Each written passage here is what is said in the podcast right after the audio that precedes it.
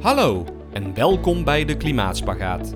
Mijn naam is Jesper Davids en in deze podcastserie leg ik jou uit hoe jij je CO2-voetafdruk kunt verkleinen in acht klimaatacties.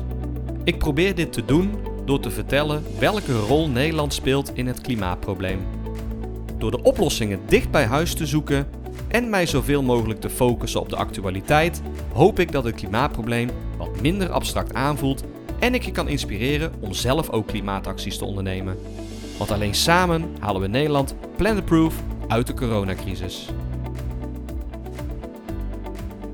Welkom, ik ben Jesper Davids uh, en ik uh, ben uh, op Instagram de Klimaatspagaat. Wat is de Klimaatspagaat? De Klimaatspagaat is een e-book en podcastserie die ik dit jaar heb gelanceerd. Eigenlijk voor alle groentjes die nog niet veel met klimaat bezig zijn. Net zoals dat ik dat eerder ook niet was en willen weten hoe we Nederland planetproof uit de coronacrisis kunnen krijgen in acht klimaatacties. Ja, dit ben ik. En uh, ja, denk net als hele velen uh, zag mijn leven er een jaar geleden heel erg anders uit. Uh, ik werkte onder andere als booking agent voor danceartiesten. Daarvoor moest ik optredens regelen over de hele wereld en ik reisde de hele wereld af. Ik besloot eind vorig jaar om mijn baan op te zeggen om samen met mijn vrouw Anne te gaan reizen. Eerst door Azië, daarna door de westkust van Amerika. En ik zou vanaf april beginnen met een nieuwe opdracht voor een Belgisch dancefestival. toen wij in Singapore waren, was dat het land na uh, China met de meeste coronabesmettingen. Dus wij zagen al dat het niet helemaal de goede kant op ging. We kwamen terug in Nederland voordat we naar Amerika zouden vertrekken. En toen kwam het inreisverbod van Trump. Vakantie ging niet door. Uh, en daarna uh, kon ik ook mijn nieuwe baan vergeten, mijn nieuwe opdracht vergeten. Dus ik zat ineens thuis. En in het begin vulde ik mijn dagen met bier drinken, Netflixen en gamen. Maar dat ging mij eigenlijk al vrij snel vervelen. En ik ging mijzelf afvragen van hoe, heeft het allemaal zover kunnen komen? En als je dan op een gegeven moment een beetje in die rabbit hole duikt, dan kom je uit bij de klimaatcrisis. En ik, ik, ik, ik kwam eigenlijk tot de conclusie dat ik voor mijzelf niet meer terug wilde naar het oude normaal, maar eigenlijk vooruit wil naar een plannerproof Nederland en aanpassingen wilde maken in mijn leven, omdat ik wel tot de conclusie ben gekomen door mij erin te verdiepen dat we eigenlijk niet meer terug moeten willen naar het oude normaal. En dat het eigenlijk ook, uh, ook niet meer kan. Ik begon me ook af te vragen waarom ik me eigenlijk die vraag niet eerder afstelde. Want ik ben zeker geen heilig boontje geweest. Ik zat regelmatig in het vliegtuig. Ik had bakken met vlees. En dacht van, hoe, komt dat eigenlijk? En ik, had het hier net in, met, met, met Rens over. Ik denk dat het komt omdat het klimaatprobleem iets heel erg abstracts is. Hè? Stel, er gebeurt bijvoorbeeld een terreuraanslag. Dan ondernemen we gelijk actie om er iets aan te doen. Dan gaan bijvoorbeeld drukke plekken vermijden en dat soort dingen. Maar klimaatverandering is iets wat heel erg geleidelijk gaat. Hè? We ondervinden nog niet echt heel erg hinder in ons dagelijks leven. Dus worden we nog niet meteen geactiveerd om daar ook echt meteen iets aan te doen. Maar dat inspireerde mij juist uh, met die vraag: kan ik die mensen wel activeren om iets te gaan doen? Dus vandaar dat ik besloot om mij met de klimaatspagaat puur en alleen te focussen op Nederland. Dus wat er praktisch naast je deur gebeurt. En de actualiteit. Omdat ik hoop dat het daar dus wat meer tastbaar mee zou worden. En dat heb ik dus uh, onderverdeeld in, in acht uh, klimaatacties. Uh, die ga ik zo meteen allemaal behandelen. Iedere actie heb ik een vraag, een meerkeuzevraag. Als jullie mij in de chat kunnen laten weten, moet ik even Simone even weer aankijken hoe ik dat kan zien op de laptop. Wil ik jullie eerst vragen wat jullie zelf op dit moment doen om je CO2-voetafdruk te verkleinen. Laat het even weten in de chat. Huis isoleren, heel goed. Geen auto, heel goed. Top. Nog meer mensen die. Ik pak voor alles binnen vijf keer met de fiets en vliegvakanties. Nou ja, top. Ik hoef eigenlijk heel mijn presentatie niet meer te geven, zie ik wel. Minder vlees eten, super. Zonnepanelen, top. Oh ja, bijna geen vlees, lees ik. Super. Nou, ik ga weer eventjes op. We gaan even terug naar de presentatie. Hoppakee. Wij zijn lid van de Herenboeren. Alright, top, top, top. De eerste actie is creëer awareness. Is even simpel als logisch, maar toch wil ik hier een aparte actie van maken, omdat het wel een hele belangrijke actie is, omdat uiteindelijk iedere actie begint met het creëren van awareness. Dus uh, mijn vraag aan jullie: hoe vaak was het thema klimaat onderwerp van debat tijdens de vorige landelijke verkiezingen vier jaar geleden? Is dat A 0 keer, B 1 keer, C 2 keer of D drie keer? Laat het even weten in de chat. Ik zie, ik zie een B, ik zie een C.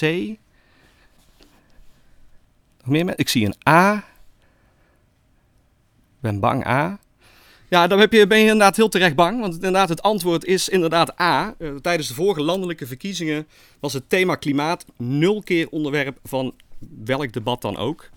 Wat kun je daaraan doen? Ten eerste, maak het klimaatprobleem bespreekbaar. Gooi er eens in op je Tinder-date of met je maat op het terras als dat weer kan. Want als wij als maatschappij niet laten zien dat wij het klimaatprobleem belangrijk genoeg vinden, dan vindt de politiek dat ook niet. Daarom was bij de vorige landelijke verkiezing klimaat nul keer onderwerp van gesprek. Omdat, ja, logisch, politici zijn per slot van rekening volksvertegenwoordigers. Dus op het moment dat wij geen fucks geven, gaan zij dat ook niet doen. Dus het is heel simpel, niet te moeilijk. Gooi het er een keer in de groep, gooi het erin, praat erover en laat zien dat wij als maatschappij klimaat belangrijk vinden. En als je toch denkt, ik wil eigenlijk nog meer actie, kun je ook altijd nog aansluiten bij een uh, actiegroep zoals Greenpeace of Extinction Rebellion. Of gewoon net als mij een podcast maken of een e-book. Actie 2, stemmen, stemmen, stemmen. Ja, uiteraard kom je dan uh, bij de politiek uit. Uh, hè, ik kwam net al kort, kort naar voren. als er iemand een stempel kan drukken op het klimaat, dan is dat wel de politiek met klimaatbeleid. heel erg belangrijk. Dus de vraag die hierna komt is: op welke plek staat Nederland momenteel binnen Europa van meest duurzame landen op energiegebied? Dus meest duurzame landen. Is dat A de eerste plek, B de tweede plek, C de één na laatste plek of D de laatste plek? We hebben een C, we hebben een B. B, B, C, C, B. Heel erg, maar het is D, de laatste plek. Nederland is op, binnen Europa op energiegebied het minst duurzame land van Europa. Verder loopt Nederland ook achter met de Urgenda-doelstelling. Wat is de Urgenda-doelstelling? Nederland heeft de twijfelachtige eer om als eerste land ooit aangeklaagd te worden door een actiegroep Urgenda wegens het verzuimen van de zorgplicht om ons te beschermen tegen de gevaren van klimaatverandering. En met succes, want de rechter oordeelde vorig jaar dat de Nederlandse staat verplicht is om dit jaar de uitstoot van broeikasgassen 25% te verminderen ten opzichte van 1990. Nou denk je met de gunstige klimaateffecten van de coronacrisis, dat moet wel lukken, maar helaas gaan we dat waarschijnlijk niet halen zoals er nu naar voren staat. Verder loopt Nederland achter met de doelstelling uit het Klimaatakkoord van Parijs. Wat is het Klimaatakkoord van Parijs? Nederland sloot vijf jaar geleden met 196 landen in Parijs een klimaatakkoord om ervoor te zorgen dat de mondiale temperatuur beneden de 2 graden opwarming blijft. Nou, Supergoed nieuws zou je zeggen. 2030 is de doelstelling gemaakt dat we 49% minder CO2 uit gaan stoten ten opzichte van 1990. 2050 95% minder CO2 uitstoten ten opzichte van 1990. En helaas is ook het 2030 doel nog steeds niet in zicht. En moeten we nog een hele hoop doen, ondanks de gunstige effecten van de coronacrisis, om dat te halen. Omdat we nog steeds niet op koers liggen. Verder, overheid subsidieert nog altijd de fossiele sector met ruim 8 miljard euro per jaar. Wat kun je doen? Houd rond verkiezingstijd van de landelijke, regionale en provinciale verkiezingen de partijprogramma's goed in de gaten. Ja, mensen kijken graag naar tv, zien iemand een hele toffe, leuke speech houden en denkt: Oh, dat is een geschikte peer, laat ik daar eens op gaan stemmen ik zou zeggen, verdiep je wat meer in, in, in, waar een partij voor staat. En hou de programma's goed in de gaten. En stem op een klimaat, op een partij die het klimaatprobleem echt hoog op de agenda heeft staan. Nu denk je misschien, ja, leuk Jesper, maar ja, hoe weet ik nou of een partij ook daadwerkelijk gaat doen wat ze beloven? Nou, dat weet je niet, maar de website Klimaatlabelpolitiek kan je daar misschien wel bij helpen. Uh, Klimaatlabelpolitiek geeft partijen een keurmerk op basis van meer dan 100 stemmingen in de Tweede Kamer van de afgelopen jaren, waarbij telkens is gekeken of de stemming goed of slecht is voor het klimaat. Daarmee krijg je in ieder geval een aardige indruk of ze het klimaat echt hoog op de agenda hebben gestaan de afgelopen jaren en of ze daar inderdaad ook echt actief moties voor hebben ingediend die ten goede komen aan het klimaatprobleem. Actie 3. Ja, volgens mij een beetje een gevoelige actie, aangezien ik net het al een aantal keer over vlees ging. Uh, vervang dierlijke producten voor een plantaardig dieet. De vraag: hoeveel dieren worden er in Nederland per seconde geslacht? Per seconde in Nederland. A. 3 dieren. B. 10 dieren. C. 20 dieren. Of D. 50 dieren. D, D, D, D, D, D, D, D, D. Ja, ik kan me voorstellen dat jullie nou denken dat alles wat ik nu in de meerkeuzevraag zet het slechtste is van alle scenario's. Maar het antwoord is C, 20 dieren per seconde. Dat komt neer op 642 miljoen dieren per jaar die in Nederland geslacht worden. Dat is ontzettend veel. Nederland is daarmee het meest veedichte land ter wereld. Dus Nederland houdt per vierkante meter van alle landen in de wereld het meeste vee. Dat is onder andere een probleem omdat de waterfootprint van dieren enorm hoog is. Het dier met de hoogste footprint van alles wat eindigt op ons bord is, een, is de rund. Het kost 15.000 liter water om 1 kilo, kilo koeienvlees te produceren. En dan denk je van ja, hoe, hoeveel is dat dan? Om één hamburger te kunnen maken heb je kun je 7 weken voor douchen. Eén biefstuk produceren kost 50 badkuipen gevuld met water. En waarom is dat een probleem? Omdat we mede door de droogte van klimaatverandering steeds meer waterschaarste in de wereld hebben. En daarmee is dat niet heel erg handig. En waar gaat al dat water naartoe? Dat gaat grotendeels naar voedsel. En waaruit bestaat het grootste gedeelte van het voedsel van onze dieren? Uit soja. Ruim 70% van de soja eindigt in veevoer ten opzichte van 6% dat eindigt in producten zoals sojamelk, sojayoghurt en vleesvervangers. Dus enorm veel uh, soja gaat daar naartoe. Regenwouden worden daarvoor gekapt om daar soja neer te zetten samen met palmolie. En aangezien Nederland de grootste soja-importeur is van Europa, speelt Nederland daarmee een hele grote rol in de wereldwijde ontbossing. Herkauwers zorgen in Nederland voor de meeste methaanuitstoot. Uh, herkauwers, dat zijn onder andere runderen en schapen, zijn verantwoordelijk voor de grootste uitstoot methaan. Methaan is na CO2 het meest schadelijke broeikasgas. Het zit wel korter in de atmosfeer dan CO2, maar is wel ruim 20 keer sterker. En wordt uitgestoten door mest en echt waar scheten en boeren. Ik heb het ook niet verzonnen. Uh, Nederland kent de hoogste stikstofuitstoot binnen Europa. De stikstofuitstoot in Nederland is vier keer het Europees gemiddelde en het meeste stikstofuitstoot komt uit de veehouderij. En tenslotte, ook vis kun je beter laten zwemmen. Om een voorbeeld te geven, Schaaldieren zijn voor het klimaat hebben die de grootste impact, en in het bijzonder de garnaal, omdat schaaldieren leven op de bodem van de zee en worden gevangen door middel van bottom trawling. Uh, bottom trawling zijn netten met stangen, met hele dunne mazen, die over de bodem van de oceaan worden getrokken, waardoor het koraal wordt aangetast. En omdat de mazen heel dun zijn, omdat anders de garnalen er tussenuit kunnen glippen, is er ook veel onnodige bijvangst en vis die dat niet overleeft. Als de garnalen gevangen zijn, gaan ze met het vliegtuig naar Marokko. Daar worden ze gepeld. Dan komen ze weer terug naar het schap van jouw supermarkt. En daar koop jij ze uiteindelijk. En heel dat proces zorgt er uiteindelijk voor dat per, 10 per duizend calorieën sorry, de garnaal na rund de hoogste uh, klimaatimpact heeft van al het eten wat eindigt op ons bord. Wat kun je doen? Probeer zoveel mogelijk dierlijke producten te vervangen voor plantaardige producten, bijvoorbeeld met vleesvervangers, pulvruchten en noten. Wil je het helemaal goed doen? Voorkom voedselverspilling Eet zoveel mogelijk seizoensproducten. Lijkt me logisch voedselverspilling. Het is natuurlijk super jammer eh, en onnodig om voedsel weg te gooien. En als je seizoensproducten koopt, dan weet je in ieder geval dat je iets koopt wat niet eerst een rondje langs de wereld heeft gemaakt. En dat is altijd beter dan wanneer je iets koopt uit bijvoorbeeld Peru, uh, om, uh, wat in het schap in de supermarkt ligt en met het vliegtuig hier naartoe is gekomen. Actie 4. Maak klimaatverantwoorde kledingkeuzes. Welke kledingstof heeft de meeste negatieve impact op het klimaat? Is dat A. linnen, B. Katoen. C. Zijde. Of D. Wol. Ik zie D, D, D, B, B. D. D. Het, ik zie dat de wedstrijd gaat tussen B en D. Dit is wel een beetje een instinker. Ik zag net iemand reageren, uh, instinker. Dit is wel een klein beetje een instinker.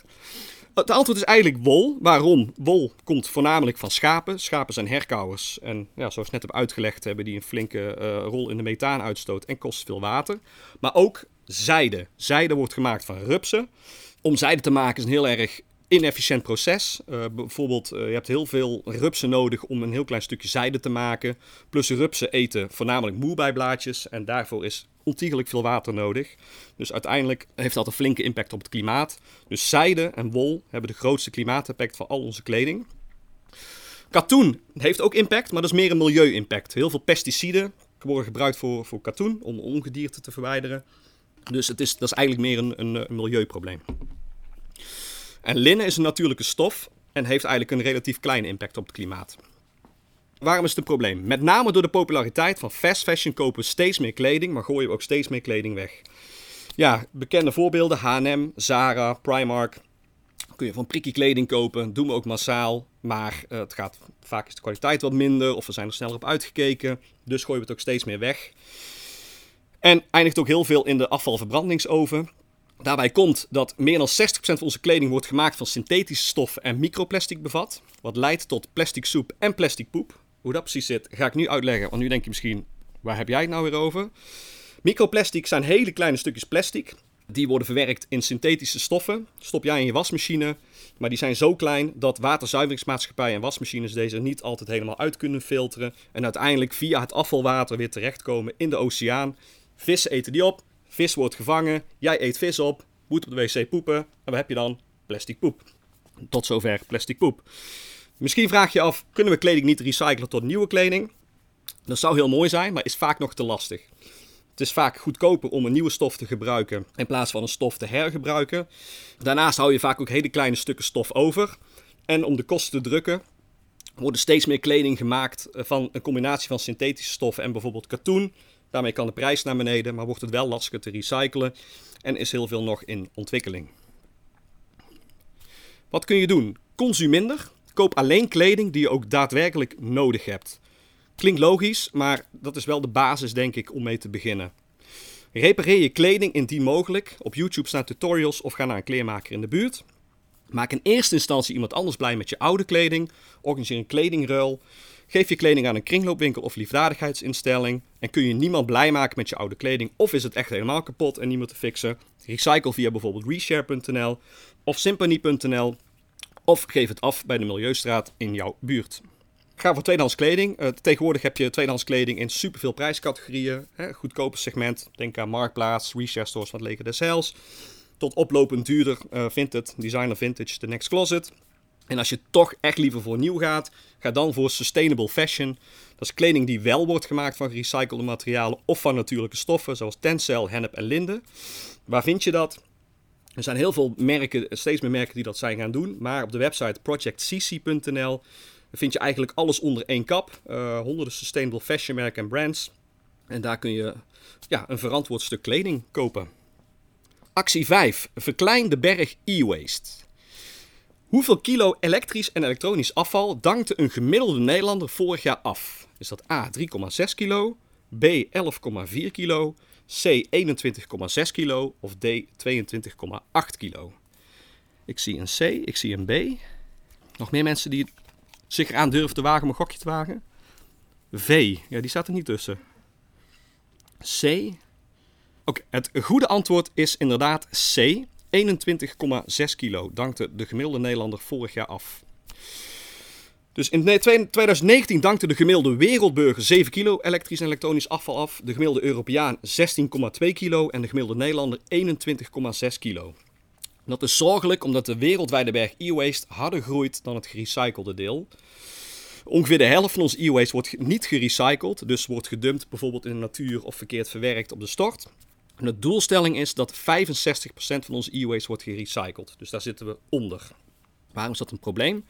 Omdat voor het maken van elektrische en elektronische apparaten giftige metalen en chemicaliën worden gebruikt zoals kwiklood en cadmium. Wanneer deze verkeerd wordt uh, afgedankt, kan dat leiden tot schade aan het milieu, de gezondheid en het klimaat. Wat kun je doen? Geef je apparaat weg of verkoop het via bijvoorbeeld een kringloopwinkel, tweedehandszaak, rommelmarkt of online via bijvoorbeeld Marktplaats. Is je apparaat kapot? Uh, repareer het of refurbish het. Uh, de website of iFixit en YouTube kun je hierbij helpen. iFixit, echt een goede tip. Uh, iFixit is een website waar je allerlei reparatiehandleidingen vindt voor allerlei producten. Van, van telefoons tot met wasmachines. En daar kun je ook de reparatiekit bij kopen die nodig is om je apparaat mee te kunnen maken.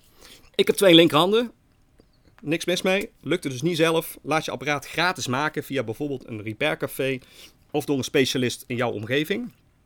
Vervang je stokoude wasdroge koelkast en vriezer voor een nieuw model met het meest zuinige energielabel, ook als deze nog steeds prima werkt. Positieve is dat wasdroge koelkasten en vriezers de afgelopen 15 jaar ongeveer een stuk duurzamer zijn geworden. En het zelfs beter is, ook al werkt hij nog steeds prima, om die te vervangen voor een nieuw exemplaar, omdat uiteindelijk de klimaatimpact en het energieverbruik van de nieuwere modellen veel beter is dan van je oude modellen. Dus als je een excuus zoekt om je man of vrouw te overtuigen dat je per se een wasdroge koelkast of vriezer wil, dit is de reden. Valt je apparaat absoluut niet te maken, recycle het via de winkel, uh, milieustraat of inleverpunt voor kleinere apparaten. Alle winkels hebben tegenwoordig, uh, moeten tegenwoordig verplicht wanneer je een gelijksoortig nieuw apparaat koopt, je oude meenemen om te recyclen. Je kunt het natuurlijk ook zelf naar de milieustraat brengen. En kleinere apparaten kun je inleveren. Tegenwoordig zie je eigenlijk wel bij iedere supermarkt en bouwmarkt zie je wel inleverpunten staan waar je apparaten in kunt leveren. Als je kijkt op de website recycle.nl kun je eenvoudig de, de, de dichtstbijzijnde inleverpunt bij jou in de buurt vinden. Kijk of je een apparaat dat je niet vaak nodig hebt kunt lenen of krijgen van een vriend of via de bouwmarkt. Steeds meer bouwmarkten hebben deze service, dat bespaart grondstoffen. Bijvoorbeeld boormachines, uh, allerlei elektrische gereedschappen kun je tegenwoordig uh, makkelijk huren bij bouwmarkten. Praxis, Gamma, noem maar op, bieden eigenlijk tegenwoordig allemaal die service wel aan. Dat is beter omdat het grondstoffen bespaart. Omdat je dan niet twee keer, hè, eentje voor jezelf en eentje die je leent, een apparaat hoeft te kopen. Dus je bespaart grondstoffen uit wat beter is voor het klimaat en voor het milieu. En ook hierbij geldt eigenlijk net als kleding. Koop anders een tweedehands of refurbished apparaat. En als je toch liever voor een nieuw apparaat gaat, ga dan voor het meest zuinige model. Dat is nu uh, met energielabel A+++, drie keer plus dus. En volgend jaar wordt de, A tot, wordt de schaal vervangen voor de A tot G schaal. Waarbij G dan het meest vervuilend is en A het minst vervuilend. Dus in dat geval ga dan altijd voor de A. De volgende. Maak je woning planet-proof. Hoeveel woningen in Nederland zijn voorzien van zonnepanelen? Is dat A 1 miljoen, B 2 miljoen, C 3 miljoen of D 4 miljoen? Laat het weer weten in de chat. D, A, D, A, B. Het antwoord is A. 1 miljoen woningen zijn voorzien van zonnepanelen. Wat kun je doen? Nou, iemand zei net al, uh, woningisolatie. Uh, van alle voorzieningen waarmee je huis kunt verduurzamen, is eigenlijk het beste wat je ten eerste kunt doen, je huis isoleren. Omdat dat simpelweg de meeste energiebesparing oplevert, omdat de meeste warmte verloren gaat door muren, dak en vloer. Dus dat is altijd het beste als je iets gaat doen in je huis, om daarmee te beginnen. Ten tweede, wek zelf je stroom duurzaam op door middel van zonnepanelen. Ja, kwam net ook al voorbij. Zonnepanelen, supergoed. Zeker nu met de huidige salderingsregeling. Heb je in ongeveer 7 jaar verdien je uh, zonnepanelen terug. Dus het is een supergoeie investering als je de mogelijkheid hebt om dat te doen. En kies voor echte groene stroom. En nou denk je, ja, maar ik heb toch groene stroom? Wat is nou echte groene stroom? Nou, zoals je net kon horen is Nederland op energiegebied dus het minst duurzame land van Europa. Maar toch heeft 70% van de Nederlanders een contract voor groene stroom. Hoe kan dat? Simpel, omdat de meeste stroom niet echt groen is. Om als energieleverancier groene stroom te mogen verkopen, moeten zij over voldoende groencertificaten beschikken. Uh, zogenaamde GVO-certificaten. Eén GVO-certificaat garandeert dat ergens in Europa 1000 kilowattuur uit een duurzame bron is opgewekt. Uh, handelaren mogen deze certificaten vrij aan elkaar verkopen. Veel van onze groene stroom komt bijvoorbeeld uit Noorwegen. Maar 98% van de energie in Noorwegen komt al uit duurzame bronnen. Dus daardoor worden er nog nauwelijks groene stroomcontracten afgesloten in Noorwegen, want de stroom is per slot van rekening toch al groen. Dus waarom zou je een groene stroomcontract afsluiten in Noorwegen als de, als de stroom al groen is? En dat stelt Noorse elektriciteitsproducenten in staat om hun certificaten aan ons te verkopen. Maar daardoor denken zowel Nederlandse als Noorse huishoudens dat ze allebei groene stroom hebben, terwijl de groene stroom in feite dus maar één keer is opgewekt. Groene stroom waarbij niet de intentie is om meer duurzame energie te produceren, het liefst in ons eigen land, noemen we ook wel schoemelstroom.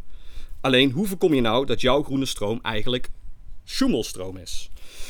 Dat kun je doen door te kijken op de website van Greenpeace. Greenpeace heeft ieder jaar uh, de, uh, een, een soort van energiechecker. Uh, en geven beoordelingen. Dat doen ze samen met de Consumentenbond en twee andere organisaties. En geven beoordelingen van 10 goed tot 1 slecht. Hoe echt groen jouw energieleverancier is. Dus door op de website te kijken krijg je een goede indruk hoe groen een, een, jouw energieleverancier pretendeert te zijn dat ook daadwerkelijk is. Vervolgens is het goed om te kijken op de groene stroomchecker van hier.nu, want daar zie je ook uit welke duurzame bronnen je stroom komt. Waarom is dat belangrijk? Omdat het beste is om te gaan voor energie die wordt opgewekt uit wind of um, uh, zon. Uh, omdat biomassa officieel nog geldt als een duurzame bron, maar wie het enigszins nieuws heeft gevolgd, heeft wel misschien meegekregen dat dat nogal ter discussie staat.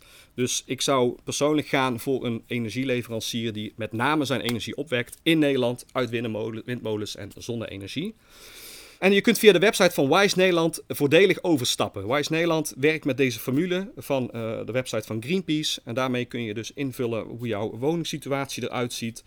En daarmee zie je de prijzen wat je moet gaan betalen, zodat je zo voordelig mogelijk kunt overstappen naar een echt groene energieleverancier. En tenslotte, kom van dat gas af, bijvoorbeeld met een warmtepomp of zonneboiler. Een warmtepomp haalt de warmte uit de lucht, bodem of grondwater, maakt daar een bruikbare temperatuur van. En een zonneboiler is een soort van zonnepaneel die je ook op je dak of gevel kunt plaatsen, uh, met een reservoir, waardoor je op een duurzame manier warm water opwekt. Nadeel is wel dat een warmtepomp duur is. Uh, moet er gewoon heel eerlijk in zijn. En dat je er eigenlijk niks aan hebt op het moment dat je woningisolatie niet goed is. Dus eigenlijk stap 1, isoleer je woning, is echt ontzettend belangrijk. Vooral als je ooit een warmtepomp besluit aan te willen schaffen. Dus nu denkt je, ja leuk Jesper, maar ik heb echt eigenlijk geen cent te makken. Uh, wat kan ik dan doen? Je kunt altijd energiebesparende aankopen doen. Bijvoorbeeld ledlampen. Ledlampen zijn een stuk zuiniger dan halogeenlampen en gloeilampen. Uh, als je voor ledlampen gaat, is A++ op dit moment het meest zuinige model. En volgend jaar wordt ook bij lampen de A tot G-schaal ingevoerd. Dus dan is het de A-schaal, of ja, energielabel A. En verder zijn er uh, ja, ook isolerende praktische aankopen die je kan doen, zoals tochtstrips, radiatorfolie, zonwerende glasfolie.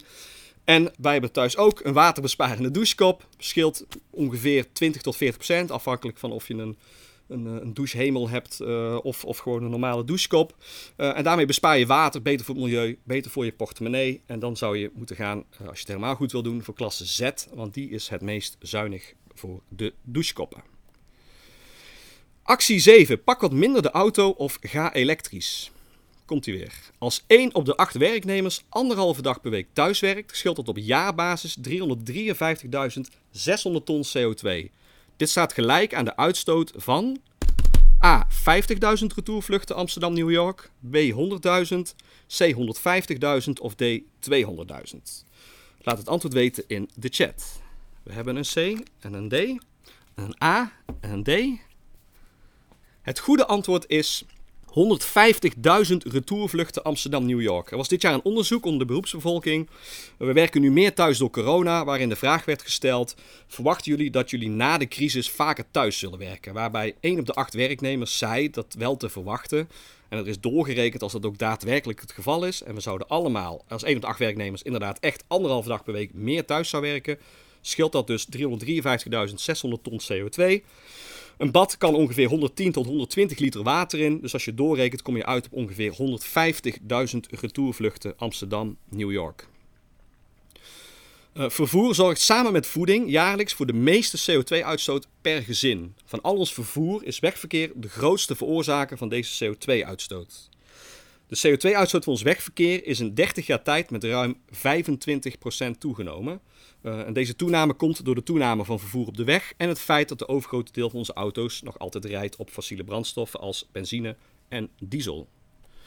Wat kun je doen? Nou, iemand zei het net ook in de chat. Goede tip. Pak voor korte afstanden de benen, wagen of fiets. Um, een onderzoek gaf aan dat een groot gedeelte van de bevolking voornamelijk ook nog voor korte afstanden binnen vijf minuten ook nog regelmatig de auto pakt.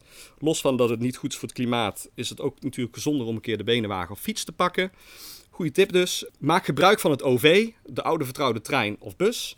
Nou, trein is sowieso natuurlijk een stuk duurzamer dan uh, een auto die rijdt op fossiele brandstoffen. En met de bus, meer mensen in één bus, is, betekent uiteindelijk per persoon minder CO2-uitstoot, omdat je minder verbruik van uh, diesel hebt.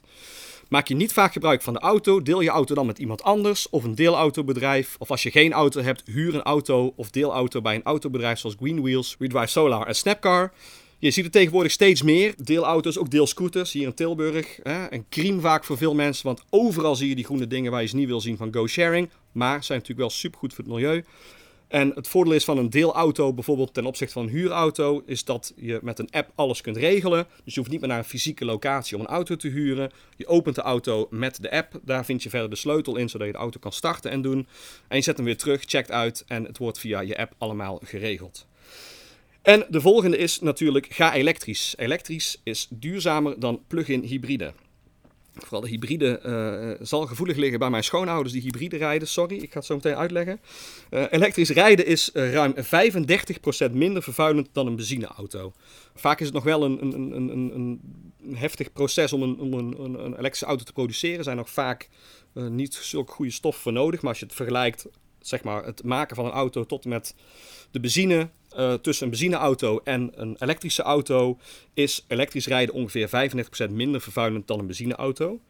En er zijn ook nog hele positieve ontwikkelingen, want de actieradius van auto's wordt steeds beter. Je hebt tegenwoordig auto's die kunnen 700 kilometer halen op een volle oplaadbeurt. Dat is ongeveer vanuit hier in Tilburg tot Parijs en terug. Dus dat is best wel een eind op, op één uh, oplaadbeurt. Dat is natuurlijk super. Accu's worden steeds beter, dus die gaan steeds langer mee. Onderhoudskosten zijn lager. Hè? Omdat je geen verbrandingsmotor hebt, zijn onderhoudskosten lager. Opladen is goedkoper en duurzamer dan tanken op benzine of diesel. Dus ook dat is natuurlijk een groot voordeel voor je portemonnee. Hybride is dus uh, iets minder vervuilend dan benzine, maar niet wereldschokkend in, verband, uh, in, in, vergelijking met elektrisch. Daarnaast zijn hybride auto's complexe voertuigen, omdat ze zowel een verbrandingsmotor hebben als een elektrische motor. Uh, en daarmee zijn ze dus vaak heel erg duur in onderhoud. Dus lieve schoonhouders, ik hoop dat de auto goed blijft werken. En tenslotte, voor mensen die een hele grote beurs, spaar voor de Lightyear One. Want uh, superleuk nieuws. Wij hebben de, de Elon Musk uh, van uh, Nederland, woont in Helmond. Dat is een man die bezig is met het maken van een auto die volledig rijdt op zonne-energie. die wordt volgend jaar opgeleverd. De verwachting is dat hij in 2022 op de weg komt te rijden. Je kunt hem nu al reserveren, maar je moet daar wel een, flinke uh, hypotheek tegenover zetten, want het kost ongeveer 150.000 euro. En dan heb jij, jij mogelijk bezitter van de Lightyear One.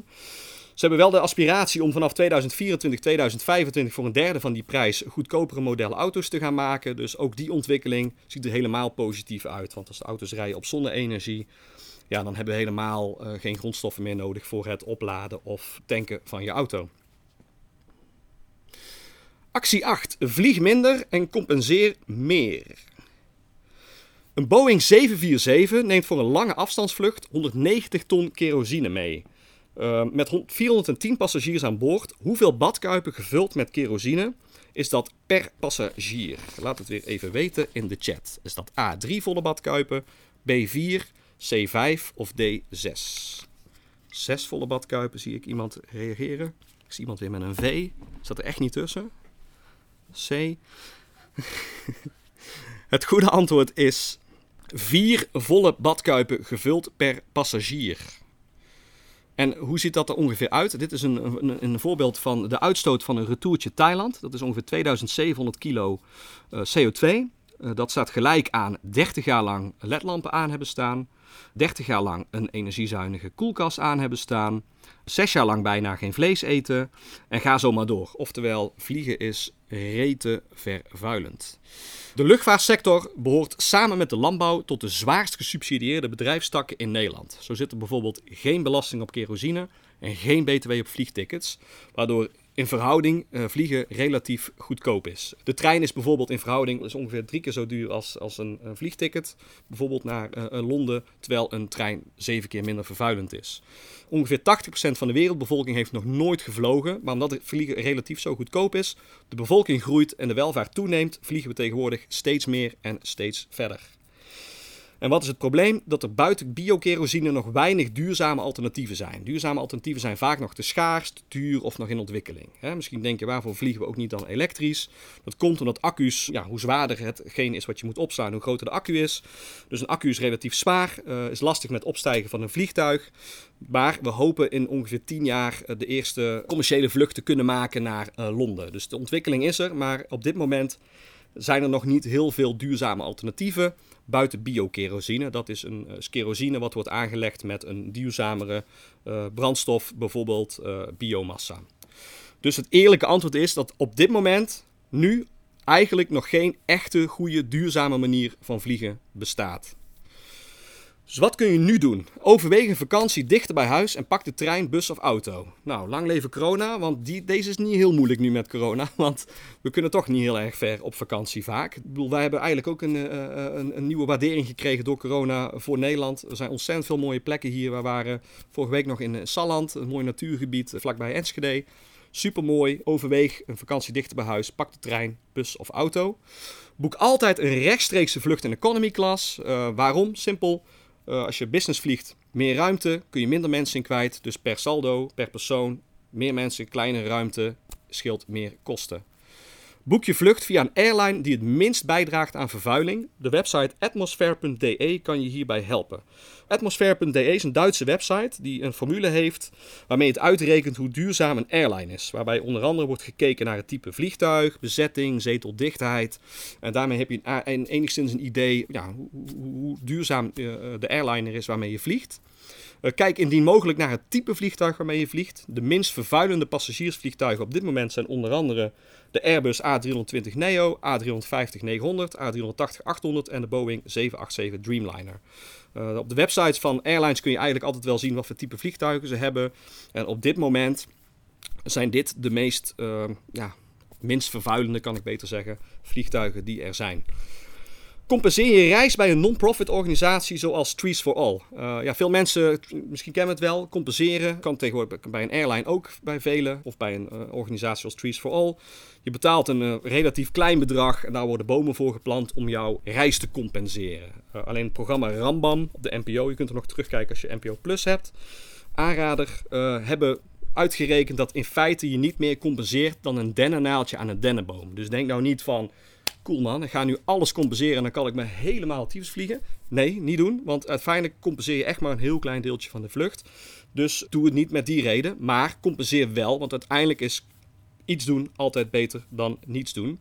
En verder compenseer meer, bijvoorbeeld door uh, een aantal van de acties die voorbij zijn gekomen in deze presentatie. Opsomming van de acties. Actie 1, creëer awareness. Actie 2, stemmen, stemmen, stemmen. Actie 3. Vervang dierlijke producten voor een plantaardig dieet. Actie 4. Maak klimaatverantwoorde kledingkeuzes. Actie 5. Verklein de berg e-waste. Actie 6. Maak je woning planetproof.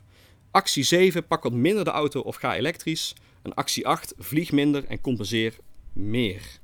Nou ben ik benieuwd. De presentatie loopt ten einde. Of, of er acties bij zaten waarbij jullie denken van nou, daar ga ik eens op letten en, en daar kan ik iets mee. Zitten die erbij? Laat het even weten in de chat. Actie 7. Pak wat minder de auto vrij elektrisch. Heel goed, heel goed. Zeker 2 en 3. Heel goed. Super, super. Ik wil heel graag isoleren. Ja, top, top. Ik denk ook voor alle uh, maatregelen die je kan doen aan huis is, is uiteindelijk spouwmuurisolatie, als het kan. Dat is relatief goedkoop en levert wel uh, het meeste rendement op. Dus mocht je ja, een spouw kunnen doen in je muur, is, is dat eigenlijk wel het beste om, om mee te beginnen. Bezig met 4, 6 en 7. Klimaatverantwoordelijk kleding, maak je woning planproof, pak hem in de auto, ga elektrisch. Super. Heel goed, heel goed, heel goed. Het is belangrijk om te weten. Vaak uh, krijg ik het verwijt als ik bijvoorbeeld plastic koop. Ik zeg maar iets.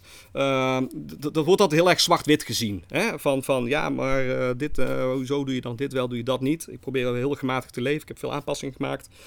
Maar uiteindelijk is het belangrijk om te weten dat iedere actie bijdraagt aan het verkleinen van je CO2-voetafdruk goed is. Hoe klein of hoe groot ook. Want uiteindelijk is je CO2-voetafdruk verkleinen geen klimaatspagaat tussen alles of niets. Of van grijs versus groen, omdat klimaatleven helaas onmogelijk is. Het is niet mogelijk om compleet onafhankelijk te leven zonder dat je uh, een impact hebt op het klimaat. Ik bedoel, dat zouden we allemaal heel erg willen, maar dat is gewoon op dit moment niet mogelijk. Je draagt altijd direct of indirect bij aan CO2-uitstoot. Maar uiteindelijk is iedere ton CO2 die niet in de atmosfeer belandt, een ton die niet bijdraagt aan de opwarming van de aarde. Dus wat je ook doet, ideeën waar ik hopelijk mensen mee heb kunnen inspireren. Alle kleine dingetjes, al is het bijvoorbeeld één dag geen vlees eten. Ik heb absoluut niet de illusie dat nou ineens iedereen vegetariër is na, na deze presentatie. Maar als we allemaal al één dag in de week minder vlees zouden eten, dan zou dat al echt een enorme impact hebben. Of een shirtje per jaar minder kopen heeft echt ontzettend veel impact. Dus ook de kleine dingen kunnen leiden tot grote veranderingen. Ik hoop dat ik je met deze podcastserie heb mogen inspireren en mijn klimaatacties je op weg helpen om je CO2-voetafdruk te verkleinen. Op mijn website deklimaatspagaat.nl kun je alle afleveringen van mijn podcastserie nog eens rustig teruglezen. Verder vind je daar ook de links die in deze podcastserie voorbij zijn gekomen en de bronnen waar ik mijn data op heb gebaseerd. Bedankt voor het luisteren naar deze podcastserie. Heb je nog vragen naar aanleiding hiervan? Neem dan gerust contact met mij op via info.deklimaatspagaat.nl. Duurzame dikke doei!